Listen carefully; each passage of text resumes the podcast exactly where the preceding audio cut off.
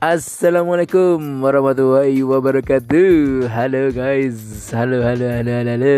Welcome back to uh, BIG uh, podcast with your handsome teacher and also cool Mr. Zan.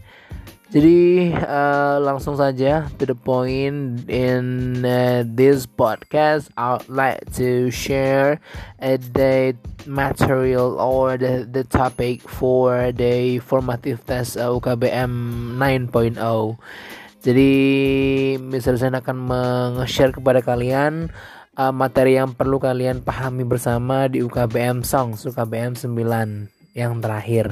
Jadi materinya adalah uh, paraphrasing atau para brasing.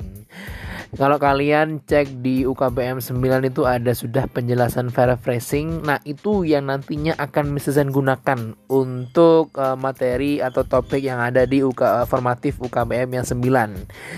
Jadi nanti kurang lebih uh, Mr. Sen akan meng-share kepada kalian uh, link Google Form yang isinya adalah soal-soal formatif UKBM 9. Uh, Mr. Sen akan memberikan kalian uh, potongan-potongan lirik yang mana kalian harus bisa menggrab the meaning. Uh, menarik makna dari lirik yang sudah Mr. Sen berikan. Nah,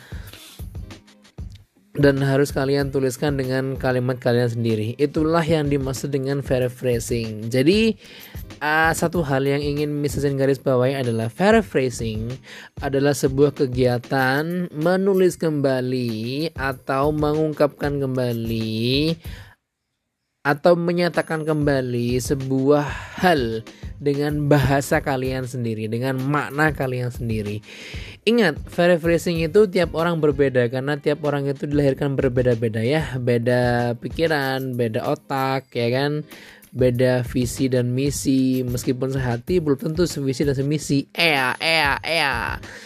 Jadi uh, ketika nanti kalian uh, misal kasih sebuah lirik potongan lirik misal contohnya adalah uh, liriknya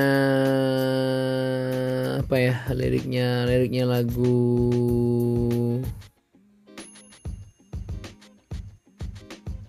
yang ada di UKBM uh, All of Me penjabarannya. Jadi seperti itu. Jadi apa liriknya itu cuma satu bait penjabarannya itu banyak. Itu karena kalian menggunakan bahasa kalian sendiri ya paraphrasing Mister apakah paraphrasing itu ada aturannya? Tidak ada. Pokoknya kalian menggunakan bahasa kalian sendiri dan makna kalian sendiri itu sudah dikatakan benar. Jadi di dunia perkuliahan nanti itu yang diharapkan dari mahasiswa adalah bisa paraphrasing atau bahasa lainnya adalah mengelaborasi guys. Jadi copy paste itu sebenarnya boleh guys. Diperbolehkan. Jadi misal kita ambil cuma satu kalimatnya aja lalu sesudahnya itu di bawahnya itu kita paraphrasing dengan kalimat kita sendiri. That's okay. Jadi seperti itu guys.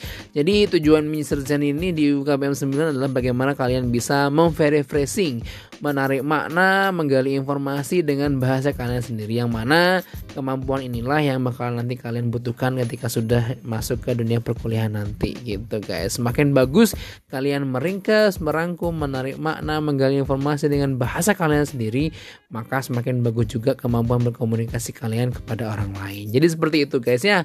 Oke. Jadi tidak ada aturan, tidak ada patokan, tidak ada tenses yang harus kalian uh, pahami bersama.